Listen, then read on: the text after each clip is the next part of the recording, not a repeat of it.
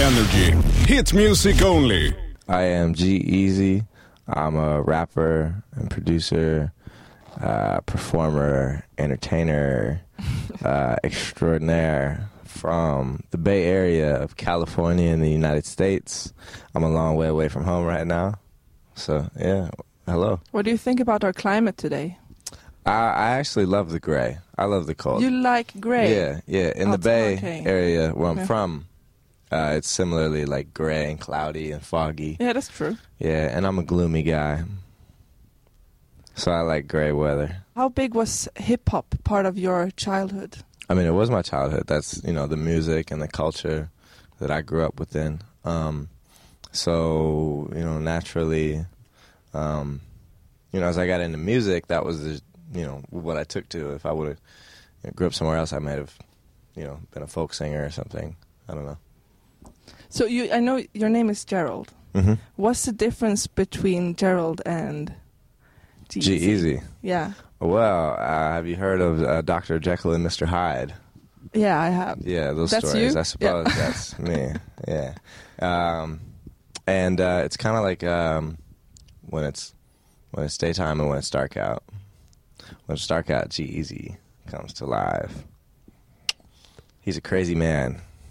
He's And a- then he's a in the wild, wild, wild, daytime- crazy, crazy In the daytime, you have vampire. Gerald buying groceries. And yeah, and, and Gerald buys groceries and he calls his mom and he reads books and he's a nice guy and he's very down to earth and sweet. And then G Easy is a Imagine you would live here. You'd just be on the dark side all the time. all the time. Oh man, that'd be no good. Yeah, Gerald would never get to shine. he would never get to have any time. Yeah, we play your new track, Me, Myself, and I, on Thank Energy you. Fresh. yeah. Thank you. Um, what does that song mean to you? Uh, well, that song is actually kind of about the the split personality between Gerald and G Easy, and how they kind of wrestle with each other within my head. Um, you know, and uh, particularly, you know, how crazy it kind of gets in the music industry.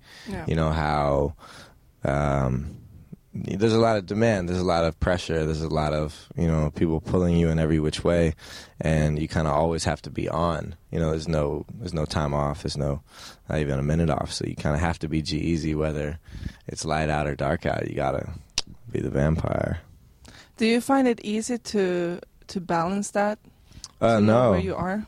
Is it hard? no It's hard. but um, I don't take L's and I don't I don't lose. I just it just I just go day by day. I just I, we just do it. Yeah, BB Rexa, yeah. she's on your track. Mhm. Just wanted to know, i- was that an obvious collaboration for you? Um, in what sense? Like obvious, like Yeah. Did you know that you wanted to have her on your track?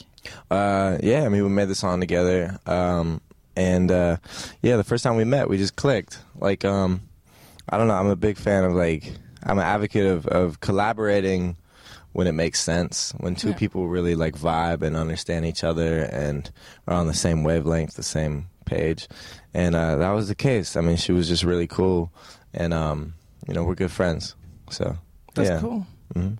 Do you have any milestones in your career where you f- think like, okay, this is the when I'm here, this is the top of the top. Yeah, I'm in Stockholm right now doing an interview at a radio station. That's certainly a milestone. I mean, growing up, uh, you know, this felt like a million miles away. You know, both obviously physically and like in terms of, you know, a career trajectory or of like, um, you know, here I am, this kid trying to make music at home and you know, upload it online or you know, MySpace. sell mixtapes out of my backpack. Yeah. Uh, and uh, it not really going anywhere. Uh, no one really taking to the music. Um, you know, to, to, to being here today and, and, and just like, you know, the power of music as, you know what I mean, like a vehicle to like, you know what I mean, take you around the world. Uh, it's, it's a beautiful thing. I feel blessed. That's nice. You're also performing here in Stockholm tonight. Yeah. What can we expect? Can we expect something special? Oh man, just expect the most lit, most turned up, most amazing, most phenomenal, most high energy, most insane show of all time. And you're gonna leave Gerald at home. Oh yeah, Gerald doesn't get to come out uh, to the shows, not at night. Nah, Yeah. Gerald, leave his sleepy, tired ass at home. I also have an alter ego. I think it's important. What's your alter ego like? Uh, it's uh, sh- her name is Ladasha Johnson. Ladasha yeah. Johnson. Yeah, okay. she's in the NBA. oh wow, you're But she- tall, aren't you? Yeah. How tall are you? Uh, Let's see. one foot. Let me see. Oh no, one foot. Yeah. Oh wow, you're almost as tall as me. So how how is that in foot? Six two. I don't know. We don't have that here. Oh okay. Is well, you in guys America, have it's- such a fucked yeah. up uh, metric system. Oh yeah, yeah. You guys have a fucked up metro No, system. I- It's not us. what? All right. So the day. How American was that of me? you guys are wrong. Be like us. Thank you f- so much for coming here. Thank and you for I having look me. forward to tonight. yeah. I, I know that you've done some stage dives. mm-hmm. Is that scary? Uh, no. No. Maybe No. I can be like. Yeah, I think I think you, if you I- alter your ego, i- uh, your alter ego could catch me. Yeah. She Yeah, would I don't know if just you catch could you catch me. alone, probably. Yeah, she could catch me on no her one pinky. would reach. yeah, Ladasha would carry you. yeah, along. Ladasha could catch me. I think Ladasha and G-Eazy should play each other in basketball. yeah. Is there a court here? Do people play basketball here or Uh, mm, not so much. no? No, But you, they can find one. you know They when? need to have a face-off. yeah, and seriously, when I always tell people like, okay, so oh no, I can't do it. I never done it. Then you will be the first. So Okay. Sweden, here we come, basketball team. Here we come. Okay, thank you so much and good luck tonight. Thank you. Will be awesome. Energy.